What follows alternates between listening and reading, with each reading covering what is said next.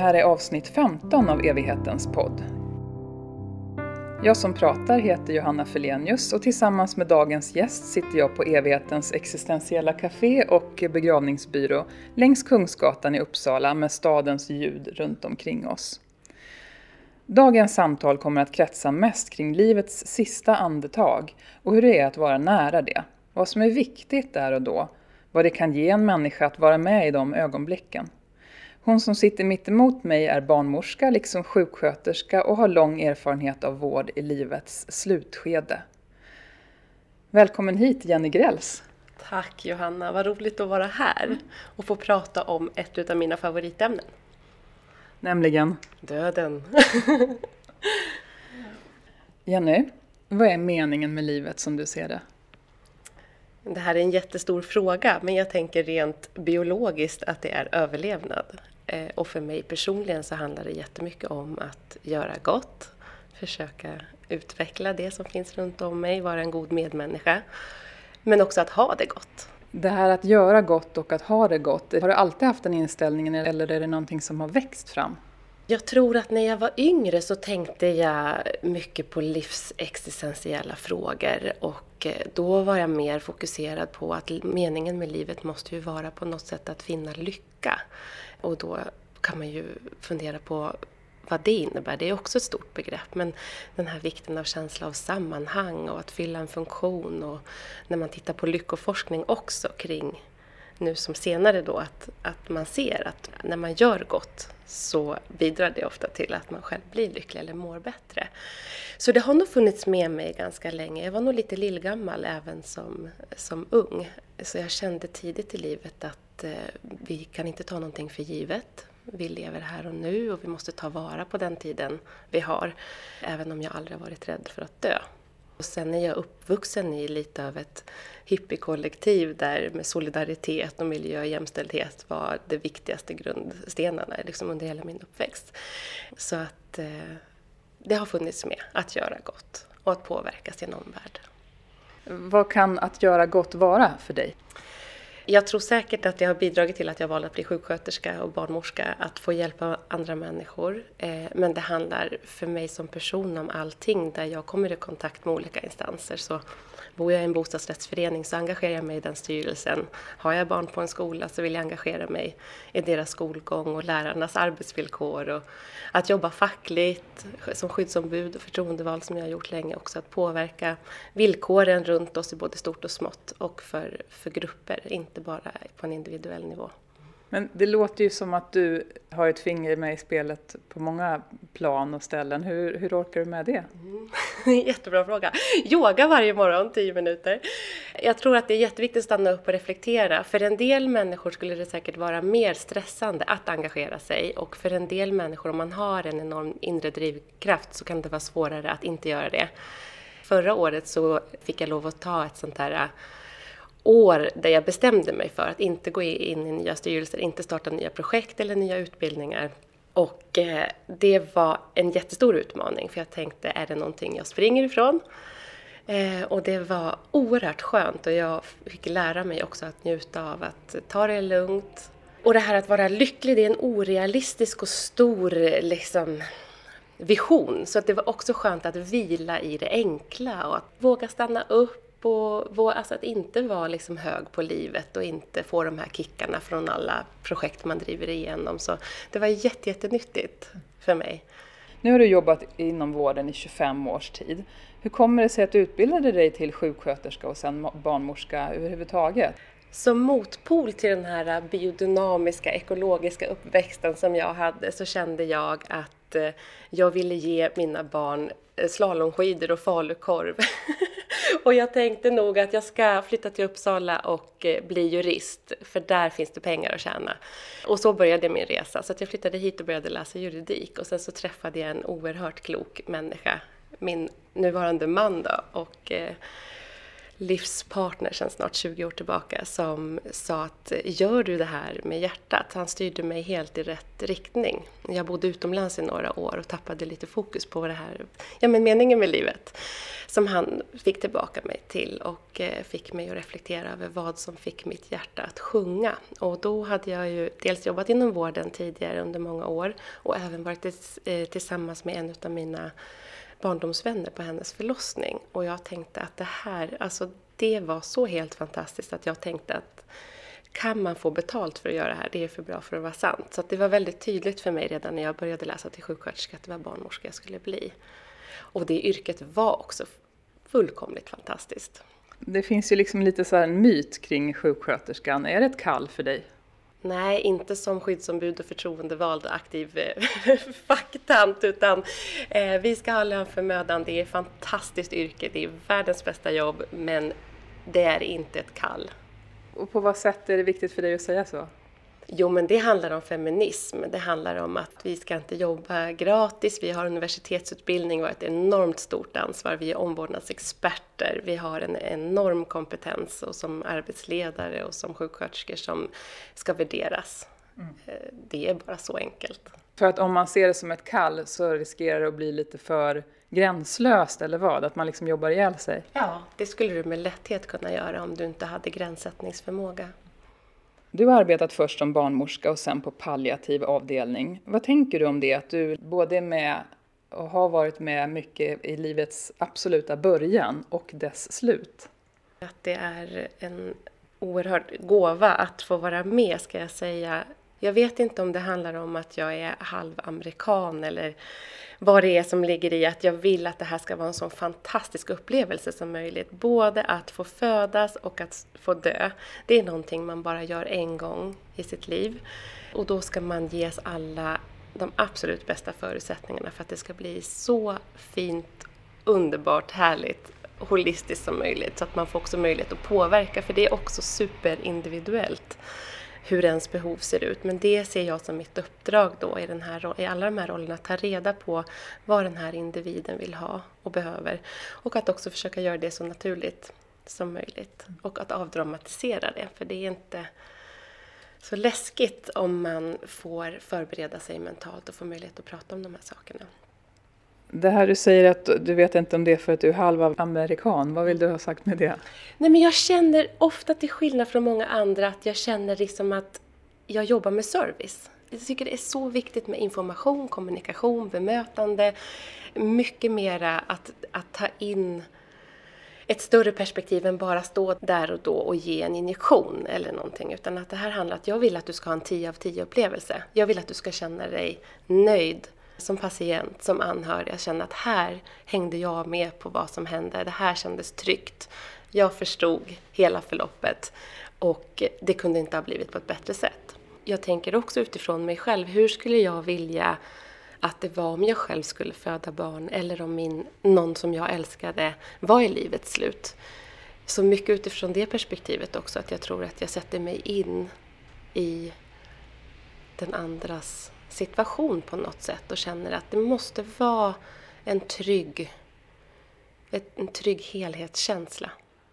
Men det är spännande med dig tycker jag för att du refererar ju till din barndom och det här kollektiva tänkandet mm. och samtidigt så pratar du om individens rättigheter. Så det låter som att för dig är det viktigt att ha båda perspektiven. Mm, det har säkert blivit så, absolut. Men jag tänker på, på människosyn och på medmänsklighet och att se varje människa i det. Det kan vara så oerhört vitt skilda behov. Men jag måste vara som en kameleont och anpassa mig. Både till olika kulturer och till olika bakgrunder, till olika önskemål. Man har olika mycket kunskap. Var behöver jag fylla på? Det har säkert blivit, det är väl så när man blir äldre också. Men, men jag tänker att människosynen, att en människa är viktig för den den är och har varit, den är aldrig en sjukdom det är aldrig ett förlopp, utan det är alltid en människa där bakom som har levt ett liv fyllt av erfarenheter och drömmar och visioner. Och, och det har jag med mig i varje möte med varje patient. Men äldre och äldre, du kan ju inte vara mer än drygt 40. Du kommer in här och är väldigt piggögd och har fortfarande småbarn hemma. Så. Alltså. Jag tänker att, var det inte jag, Guillou, det var någon som sa det, att alla är liksom mera rebeller och så här. Och sen så ju äldre man blir och desto mer perspektiv man får så kanske man blir mer man kanske får en större syn på individen ur ett perspektiv men eh, jag vet inte om jag skulle säga att jag är individualist. Det blir ju ett helhetsperspektiv. Det är ju om en patient mår bra, så mår anhöriga bra, så mår personalen bra, så mår organisationen bra. Så att allting får ringa på vattnet. Och allting hänger ihop? Det är klart det gör. Så är det ju alltid. Anhöriga som är runt en person som de vet snart kommer att dö, vad, vad brukar de främst undra över? Det beror på lite vilket skede vi är i. Eh, men jag ska säga att det vanligaste är att vi har kommunicerat en god tid innan det här förloppet gällande symptomlindring. För det är många som känner eller upplever en oro om ens närstående ska ha smärta, oro, ångest.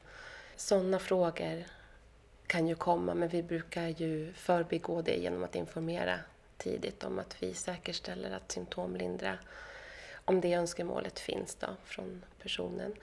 Och sen i ett senare skede när det verkligen närmar sig slutet så är det väl ett mänskligt behov av att försöka få kontroll på en situation man inte kan kontrollera och då vill man gärna veta hur lång tid är det kvar.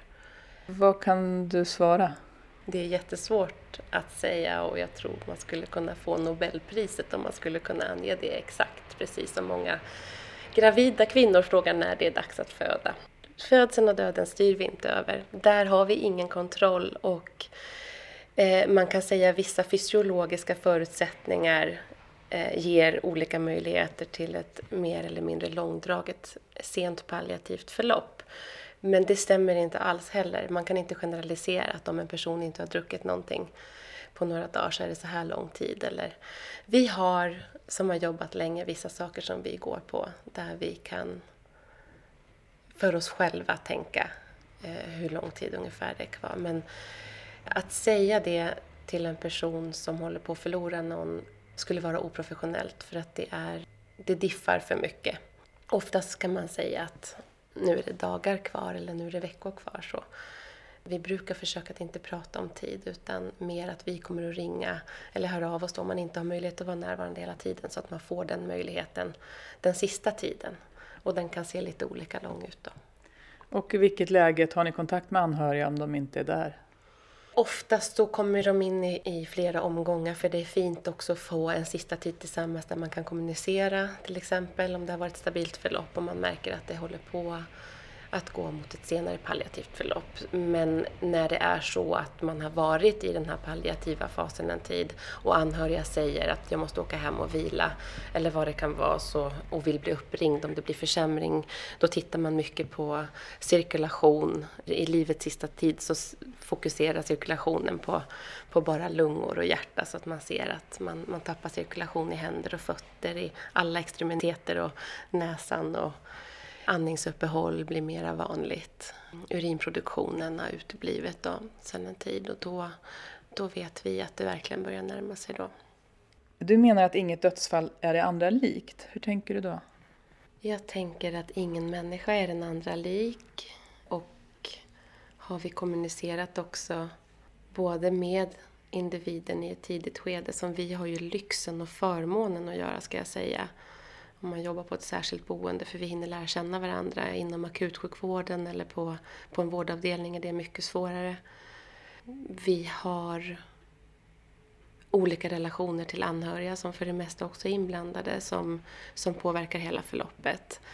Och sen är det jättemycket utifrån individens tidigare sjukdomar, också vilka behov som finns av omvårdnad eller medicinsk assistans så även om förloppen är sig ganska lika så är det en häftig upplevelse att få vara med och anpassa varje situation i livets slut efter den, den individen som vi vårdar. Och kan du ge något exempel på hur det går att anpassa det där? På, på vad sätt kan det vara olika typer av behov och behandling? Mm. Allting har föregåtts eh, i bästa fall av många samtal och vi, jag brukar fråga redan när man flyttar in på, på ett boende då om man har funderat kring döden, om man är rädd för att dö, finns det ångest, finns det drömmar som man inte uppfyllt, finns det någon, några behov som vi kan tillgodose? Jag hade en patient som kom in och hade det här samtalet. Hon sa det är aldrig någon som har pratat med mig om det här. Och eh, hon var inte direkt rädd men hon hade bott ganska isolerat och eh, hennes enda önskan i livet det var att någon mer gång få äta en hawaiipizza. Så det var ju väldigt enkelt att tillgodose det behovet för henne och det betydde enormt mycket. Och det är sådana här saker som man kanske tar för givet. Men om det är en person i behov av vård eller stöd eller assistans som inte har fått frågan, då uttrycker man kanske inte, man kanske inte ens ger sig tid att känna efter vad man saknar eller vad man behöver. Eh, och det här påverkar ju i förlängningen också hur bekväm man känner sig med att dö. Har jag levt det livet jag ville leva? Är det relationer som är trasiga? Jag är ofta medlare mellan anhöriga och patient i att läka trasiga relationer eller att våga stötta dem i att ha kontakten eller ett konstruktivt samtal eller att reda upp saker så att man kan lämna jordelivet med ro. Men de här samtalen som du då tar initiativ till redan i samband med inflyttning till det här särskilda boendet på en palliativ avdelning. Alltså är det någonting som, som förekommer på alla palliativa avdelningar runt om i Sverige eller är det ditt eget initiativ och finns det någon mall för de här samtalen? Ja, hur ser det ut? Jättebra fråga, särskilt eftersom jag håller på att starta upp en ny verksamhet nu. Så ser vi att det saknas, det finns brister här. Döden är fortfarande tabubelagd. Eh, det finns en stor rädsla att prata om döden. Eh, vi även som vårdpersonal, beroende på erfarenhet, kan ha olika jobbigt att göra det också. Det finns inte alls någon sån fast rutin att det ska göras i ett tidigt skede. Det finns rutiner kring hur brytpunktssamtal ska tas av läkaren när man övergår till en symptomlindrande behandling. Men jag tycker att Eh, det banar väg för en finare sista tid i livet att ta de här samtalen så snart som möjligt när man kanske fortfarande är vid sina sinnesfulla bruk och man kan uttrycka sina önskningar och behov. Kanske maxa livet. Det blir lättare att lämna då. Ja, du refererar här till brytpunktssamtal, men de är väl rent, det handlar ju bara om den medicinska delen av mig, väl? Ja, precis. Och det är väl det man glömmer bort. Vad händer med hela själen och hela människan? Nu tycker jag att läkarna har en otroligt fin förmåga att hålla de här samtalen också, men, men den här själsliga biten faller lite bort. Och det är också någonting som jag har försökt att jobba för Eh, framförallt tidigare på sjukhuset men, men även nu då för att vi har ett fantastiskt team när det gäller allt det medicinska, allting med kroppens leder, med hjälpmedel, med sköterskans omvårdnad. Men för själen finns det ingen naturlig medlem i våra team. Det önskar jag fortfarande att det skulle vara en naturlig del i varje team på varje vårdenhet. Att vi har kurator eller psykolog eller ett samtalsstöd för de här frågorna. Det fattas. Hur gör du när du är nära en person som är dement? När det, när det kommer till den här typen av samtal om, om den förestående döden? En människa med demens säger vi eftersom ingen är sin sjukdom. Där får man samla in information på lite andra sätt. För det är tyvärr så idag att det har gått ganska långt innan man får flytta in till, en, till ett boende. Alltså efter att man har fått diagnosen och där är ju anhöriga en otroligt viktig del i den här processen. Och där har vi som vana också att samla in levnadsberättelser för att få ett grepp om vem den här personen har varit och om intressen men även om eventuella trauman. Mycket kommer tillbaka till en demenssjuk person Eh, och det är viktigt att ha det helhetsperspektivet och det ger oss också lite riktning i hur vi kan eh, öka livskvaliteten för den personen och anpassa stöd och aktiviteter. Så att anhöriga är jätte, jätteviktiga och annars så är det också så att en person som har en demenssjukdom kanske inte alls är eller blir den som den en gång var. Så då ska vi lära känna den här nya personen och det kanske är ännu viktigare då att vi kliver ifrån det som en gång var och möter den här nya, kanske lekfulla, mycket kärleksfulla, kärlekstörstande personen som kanske har haft det tufft och varit haft svårt med relationer eller tvärtom att man har varit väldigt mjuk och haft lätt till närhet och sen inte alls uppskattar det. Så att där måste vi anpassa oss också hela tiden och se till hela behoven och bemöta på rätt nivå. Och aldrig skamma utan bara bekräfta och se den här personen som för allt den har varit och för allt som den nu är då. Du pratar om att du skulle vilja ha en representant inom vården och i palliativa sammanhang som, som tar hand om själen. Vet du att demens betyder utan själ? Ja, jag tycker det är ett fruktansvärt namn egentligen. Även om man förstår det är en fruktansvärd sjukdom. Det är någon som man har älskat att ta sig ifrån en eh, i förlängningen. De här personerna med demenssjukdomar brukar ha ett ganska härligt liv men för anhöriga är det en oerhört tuff resa. Kanske viktigare, än viktigare för oss att finnas för dem. I din roll som sjuksköterska på en palliativ avdelning, hur brukar patienter reagera när du tar initiativ till att prata om, om döden? Det är jätte, jätteolika. Vi är olika och man har kommit olika långt med sig själv och att tänka på sig själv som en dödlig person eller varelse. Eh, så där får man vara väldigt fingertoppkänsla och bomullsvantar på när man ska lyfta det här samtalet och bara försiktigt lyfta det. Och det kan vara en lättare ingång kan vara att säga att jag som sjuksköterska, det åligger mig att fråga dig hur du vill att vi gör i händelse av ett hjärtstopp eller ett andningsstopp. Då kommer vi in på det för att då blir det mer medicinskt och praktiskt lite längre ifrån en själv och lättare att ta ställning till att eh, nej men jag är nöjd med mitt liv, jag vill helst inte ha några livsuppehållande åtgärder eller jag känner en extremt stark önskan om att ni gör allt ni kan hela vägen. Och utifrån det så kan vi fortsätta den här dialogen, oftast på ett väldigt odramatiskt och fint sätt. Så även de som har svårt att prata om det i början brukar vara väldigt lätt att få fina samtal med. Har du varit med om någon gång att någon verkligen bara har förnekat? Börjat liksom prata om helt andra saker eller titta ut genom fönstret eller ryta ifrån och det där har inte du med att göra eller någonting? absolut. Under alla de här åren så har jag varit med om det flera gånger. Det är ovanligt ändå ska jag säga, men en av de här patienterna som var 100 år som sa att absolut vill jag ha hjärt och lungräddning. Jag vill ha, åka ambulans, liksom när vi väl kunde närma oss den frågan, för det var väldigt mycket det här som precis som du beskriver när man blir lite ställd mot väggen eller att man, man kommer i affekt. Det var så himla härligt att se den livskraften i en hundraårig adekvat dam. Och det är klart vi tar hänsyn till det då. Sen får man föra samtal, liksom, vad är prognosen, hur ser det här ut? Men i det samtalet så kan man säga bekräftat, ja, jag förstår hur du känner och jag, jag tar det till mig och sen så får man närma sig det lite senare då. Ja, för det undrar jag, vad kan du lova? Lova saker ska man aldrig göra. Det är som upplagt för att göra människor besvikna här i livet. Men jag kan säga vad vi har att erbjuda, jag kan säga hur vi brukar göra, jag kan säga vad som är ett mer värdigt sätt att gå på.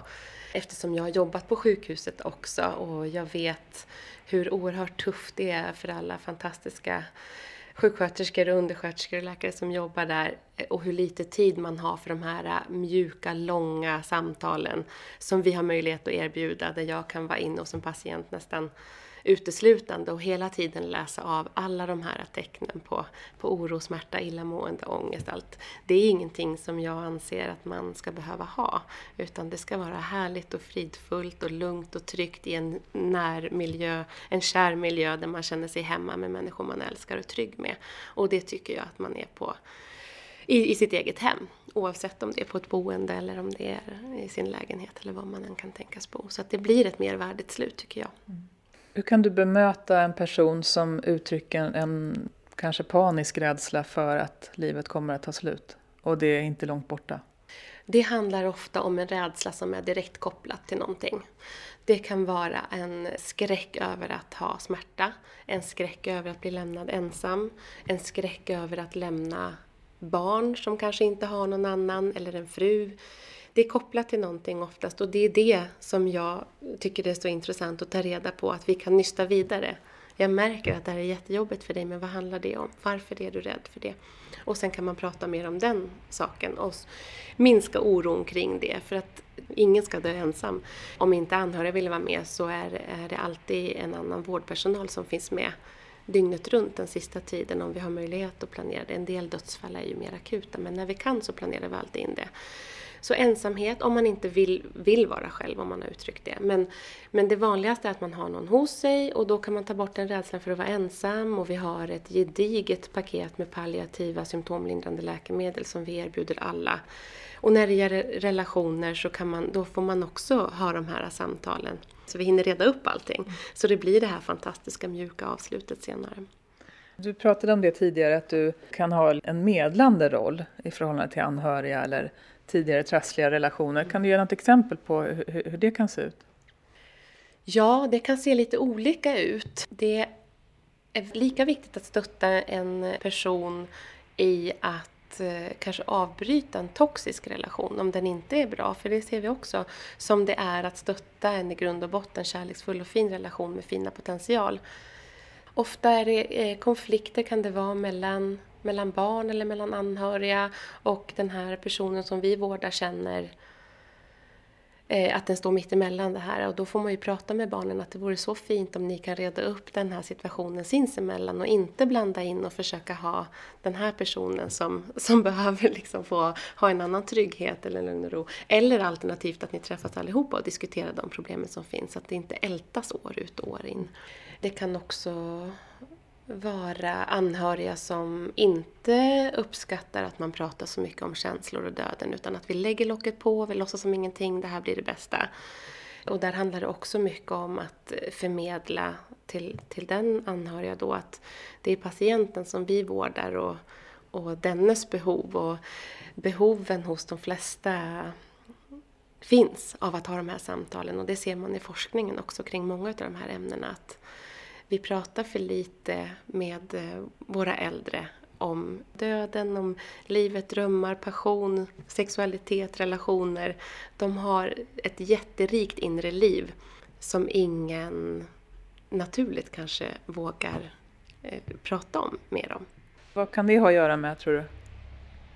Ja, det finns jättemånga forskare som har tittat på det också, den här åldersdiskrimineringen. Att man tänker att livet slutar vid en viss ålder. Eh, det som händer och som har hänt över tid är att vi lever mycket längre. Vi är friskare längre och medellivslängden ökar. Det innebär att vi är pigga, aktiva människor med samma behov som vi alltid haft under en mycket längre tid. Så det är väl en anpassningsfas som vi genomgår nu. Jag hade en 90-åring, 90 plus, som åkte till Karibien och åkte till London att eh, och många som inleder nya relationer också, sent, sent i livet, vilket är helt fantastiskt och uppger att de aldrig någonsin har haft en sån passionerad relation.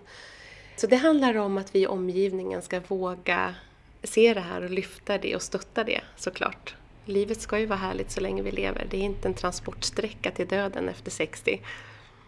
Jag hörde en sjukhuspräst vittna om att anhöriga ofta berättar att de vakat runt en person ibland i flera dygn i sträck, som närmar sig döden. Och så går de iväg en sväng till slut efter flera dygn för att äta till exempel. Och då passar den här personen i fråga på att glida iväg och dö. Vad har du för tankar om det och är det någonting som du har märkt av så att säga? Det här, det här pratar man jättemycket om. Nu, nu är jag barnmorska också, så om man ska titta på det här med ofrivillig barnlöshet eller när man försöker få barn, så man också, det, det, finns en, en generaliserad bild av att så, ja, men så fort vi slappnade av så kom det här barnet.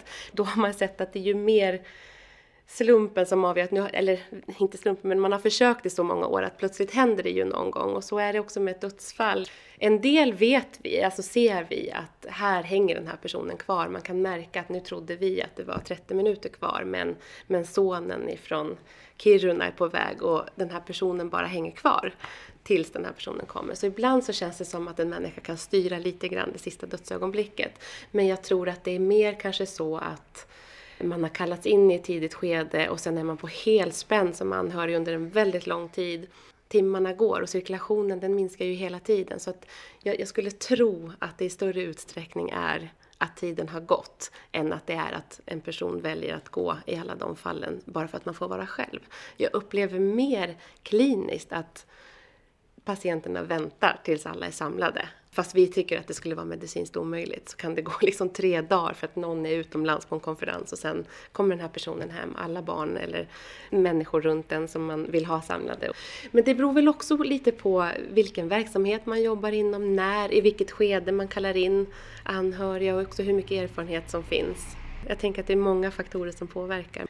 Du pratade tidigare om rädslan att dö ensam som du möter ofta. Vad tänker du att betydelsen av mänsklig närvaro i dödsögonblicket kan... Vad, vad kan det ha för betydelse? Jag tror att det är allt. Precis som att födas. Vi är flockdjur, vill vara nära varandra, vi vill ha närhet och en trygghet i den här kontakten. det är väldigt, väldigt få som har en annan åsikt än att man vill vara nära någon i livets slut.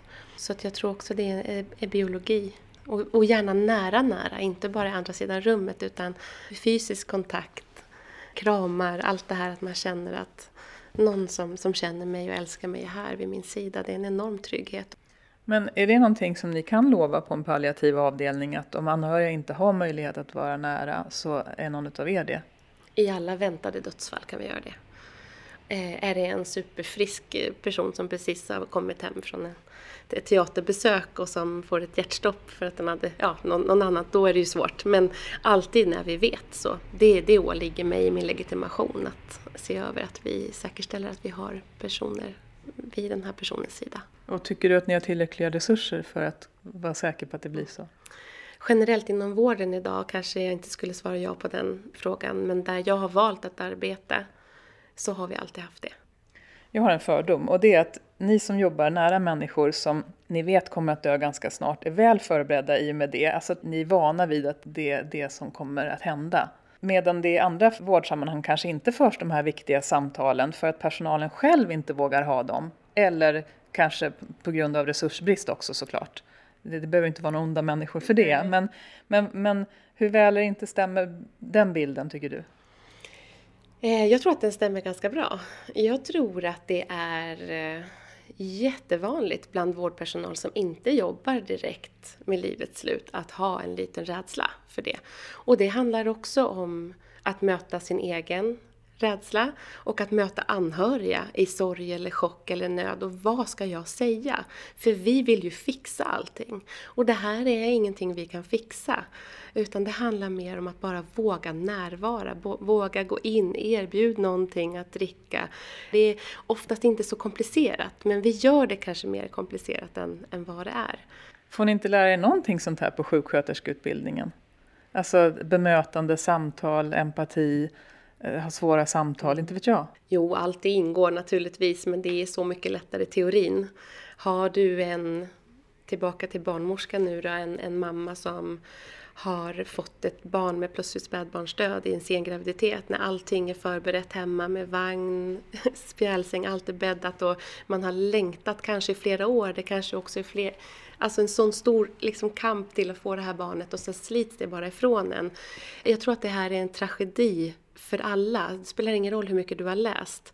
Men då får man sätta det åt sidan och gå in och möta den här familjen på, på bästa möjliga sätt, precis som i livets slut. Vi förlorar unga patienter i cancer och, och även äldre hastigt. Och, och det är alltid en tragedi. Det är alltid en stor sorg när någon slits ifrån en när man inte har fått förbereda sig på det. Så det kan man nog inte läsa sig till utan det behövs nog vissa, det behövs nog erfarenhet. Att vara van att, att möta sorg som kan vara bottenlös. Som sjuksköterska så är du onekligen öppen för alla typer av känslouttryck och känslor hos dina patienter. Men hur berörd tycker du själv att du får bli så att säga? Eh, jag måste vara professionell. Men den dagen jag slutar vara berörd, då är det dags att sluta jobba som sjuksköterska. Jag tycker att eh, skapa relationer och att få vara delaktig i det, det är något av det vackraste som finns. Och jag, jag tror att det är det som ger mig så otroligt mycket livskraft. Att få äran att vara delaktig i det. Eh, jag kanske slutade gråta efter mina hundrade eller tvåhundrade förlossning, även om jag inte gör det framför patienten. Men, eh, men att, att känna den här otroliga euforin i, att, i en fantastisk födsel eller i ett fantastiskt palliativt förlopp. Vi skapar också så otroligt nära relationer till patienten över tid och till anhöriga. Det berör alltid. Och det skulle jag säga är en utav, ett utav det finaste sakerna som är att jobba som sjuksköterska. Att få bli berörd, att få vara en del av allt det här. Vad ger det dig att jobba nära människor som närmar sig livets slut? Vad ger, vad ger det mig inte? Alltså jag tycker att de här mest livserfarna medborgarna som har så mycket att dela med sig av och så mycket humor ofta som också är så redo för det här steget det är fantastiskt att få vara nära de patienterna och, och in i det sista och att få verkställa allt det vi har pratat om. Också få känna att eh, det här blir så himla fint och så himla bra. Så jättefint bara. Efterlevande samtal är någonting som ni har. Vad är det? Det är ett samtal som vi erbjuder alla anhöriga när en person har avlidit. Och det brukar vi lägga, det kan vara lite olika, men mellan 3 till 12 veckor efter dödsfallet, lite beroende på anhörigas önskemål också. Där vi som sjuksköterskor kontaktar anhöriga för att knyta ihop säcken på något sätt. Att finns det några frågor som hänger i luften? Kändes det här förloppet bra? Förstod ni vad som hände? Hur de mår, hur det känns, hur det har gått att hantera den här förlusten. Och så brukar vi också fråga lite praktiskt kring begravning. Och, eh, jag tror att som anhörig så är det som två steg. Att först när man vet att man ska förlora någon, då är det, det är liksom fram till dödsögonblicket. Och sen börjar det en ny jättestor administrativ process när man ska planera och strukturera upp och försöka anpassa den här sista ceremonin efter den här personens önskemål så gott det går det blir också en enorm anspänning. Så att sorgen brukar ibland skjutas upp tills efter begravningen. Så jag tycker att det är fint att lägga det här samtalet efter begravningen för att då, annars är det så mycket annat som man ska ta ställning till som anhörig. Så, så i det samtalet så brukar vi bara prata om, om allt. Vi erbjuder det till alla och jag har aldrig varit med om att någon har tackat nej. Och eh, det brukar vara jätte, jättefina samtal. Men är det någonting som ni erbjuder bara för att du har jobbat på en palliativ avdelning eller vadå? Det ska erbjudas eh, nationellt till alla. Sen vet jag inte med tanke på den höga arbetsbelastningen hur det fungerar i praktiken på andra ställen. Men jag tror att de flesta som jobbar med äldre människor i alla fall, att det fungerar. Vi på Evigheten erbjuder hämtning av avliden, alltså när en person har dött på ett särskilt boende till exempel, så får de närmast anhöriga vara med vid kistläggning. Och man kan läsa en dikt eller man kan sjunga en sång eller man kan lägga ner en teckning eller något annat i kistan, så då behöver man ha bestämt vilken kista det ska vara. Och det kan vara hur lugnt och fint som helst. Det finns liksom alltid i världen då. Det brukar vara jätte, jättefint. Och blir du nyfiken på det så finns det ett avsnitt som handlar om kisthämtning av Evighetens podd. Är det här någonting som du har mött?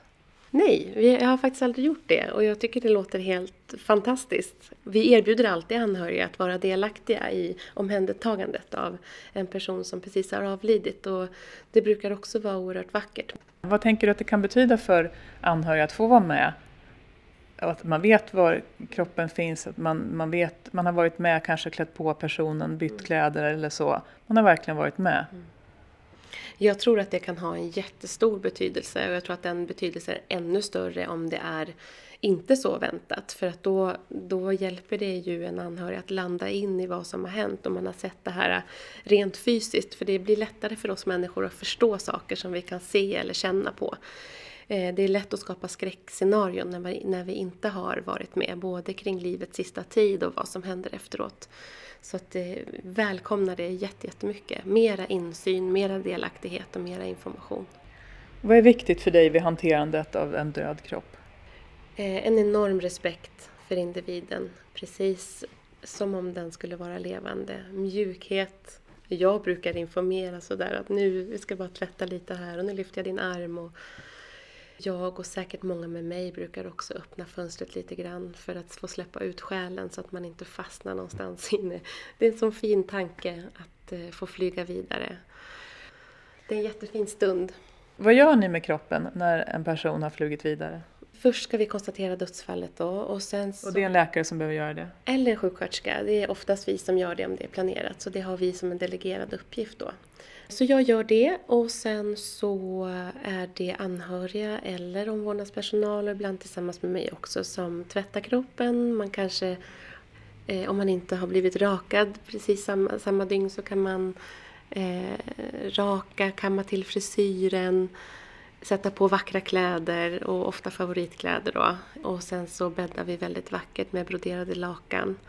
och händerna knutna vid bröstet och en färsk blomma och sen brukar vi också ha ett ljus och en bibel om det är en kristen person och en bild på den här personen när den var som mest levande. Så det är väldigt stämningsfullt, det är väldigt vackert och det är också fint för anhöriga att få vara med och, och se och vi brukar möblera rummet också så att sängen står i mitten av rummet och anhöriga kan samlas och ta farväl vid sidan. Även om man har varit med innan så brukar det vara ett lugnt och fint och uppskattat moment. Hur skulle du säga att coronapandemin har påverkat ditt arbete på en palliativ avdelning? På jättemånga olika sätt, men det som jag primärt tycker har varit jobbigt eftersom den här mellanmänskliga relationen är det viktigaste och finaste vi har. Och särskilt då med eh, kanske en människa med demens, att gå in med munskydd och visir och att inte bli igenkänd. Det blir en distans emellan som jag inte alls tycker om. Och den är ju livsnödvändig så den måste ju vara där. Men den här den vana vi har av att vara nära och fysiskt nära och se varandra i ögonen och läsa läppar och tolka försvinner och gör det jättesvårt också för de här personerna. Eh, så i det mellanmänskliga mötet så är det det som är tuffast. Och rent psykologiskt eller liksom själsligt, vad har du märkt av där? Har du märkt av liksom en, en, ökad oro? Ska jag bli smittad nu? Ska personalen bli sjuk? Det hade jag räknat med att det skulle vara så, men det har snarare varit tvärtom och det kanske har varit bra. Jag tycker att majoriteten av patienterna tycker att det är överdrivet. Varför får vi inte sitta tillsammans? Varför får vi inte skåla ihop? Varför, vad håller ni på liksom? Så att de har varit mycket, mycket mer coola än vad vi har varit och inte upplevt så mycket oro. Det har varit jättetråkigt att inte få besök, kan inte släppa in dem och måste ni ha så mycket skyddsutrustning och liksom kom igen. Och de har ju varann, det är ju lyxen att bo tillsammans med andra.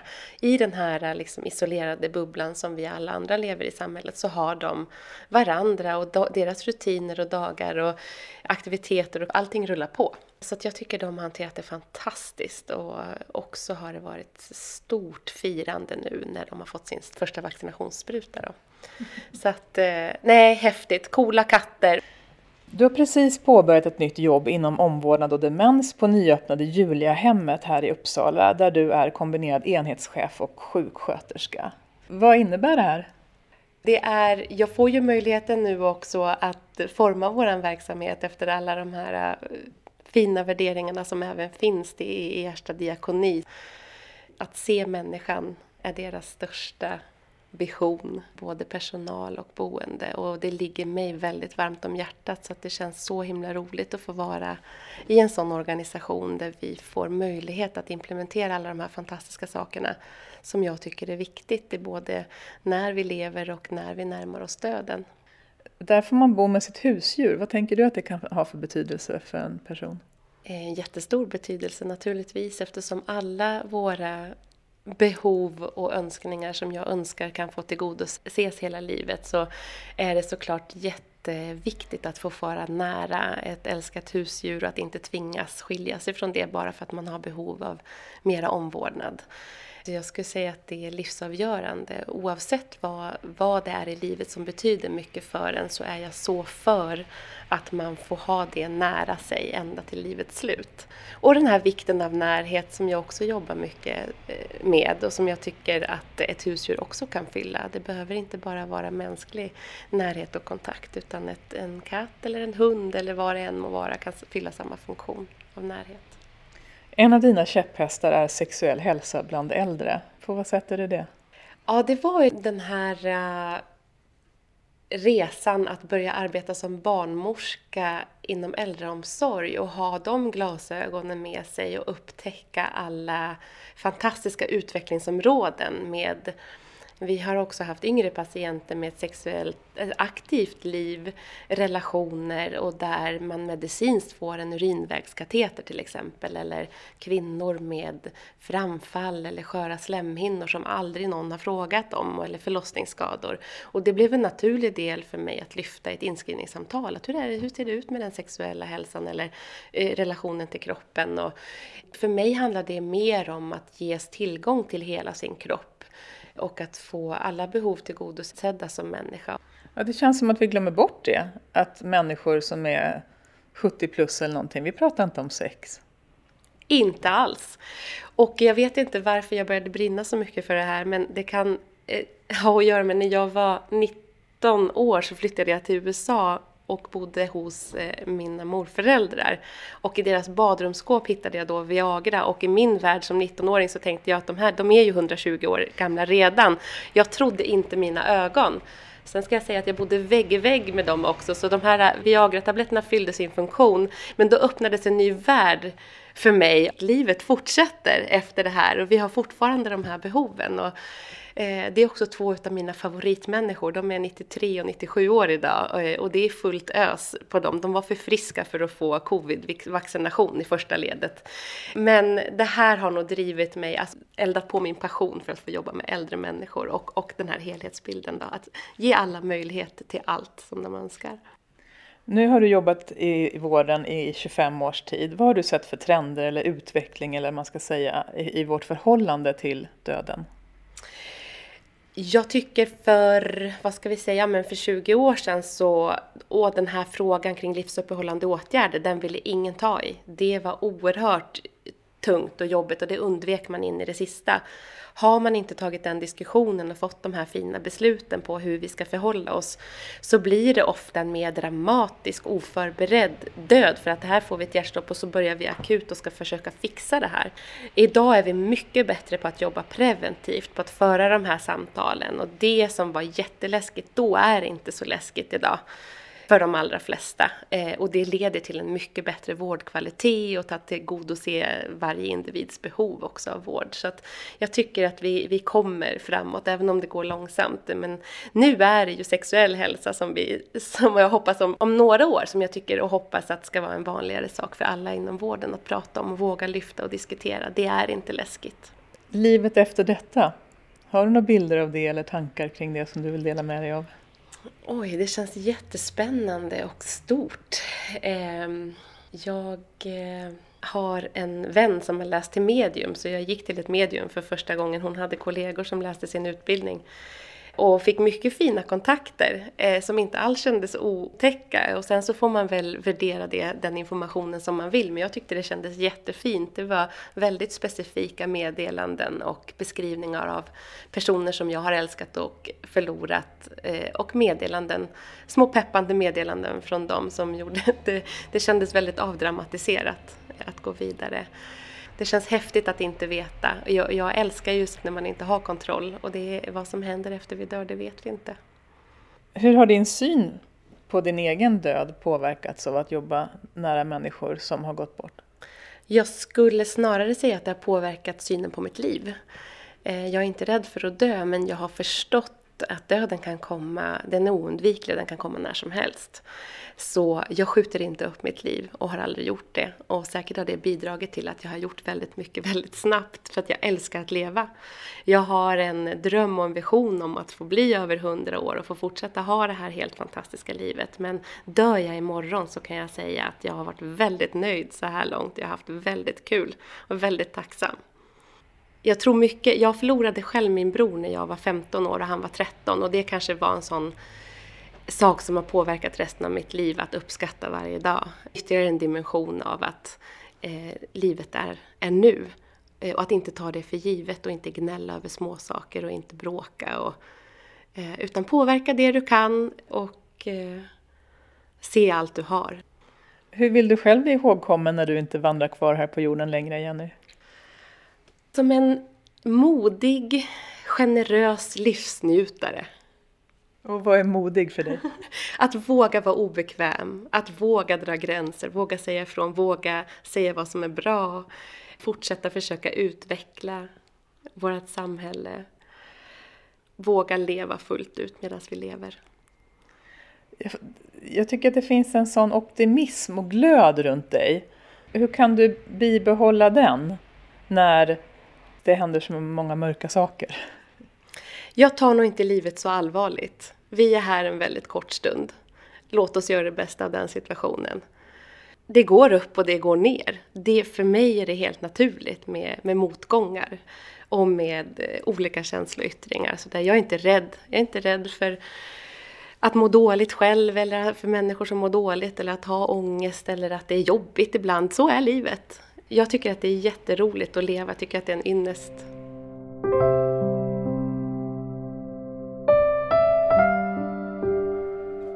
Det berättar Jenny Grälls här i evighetens podd.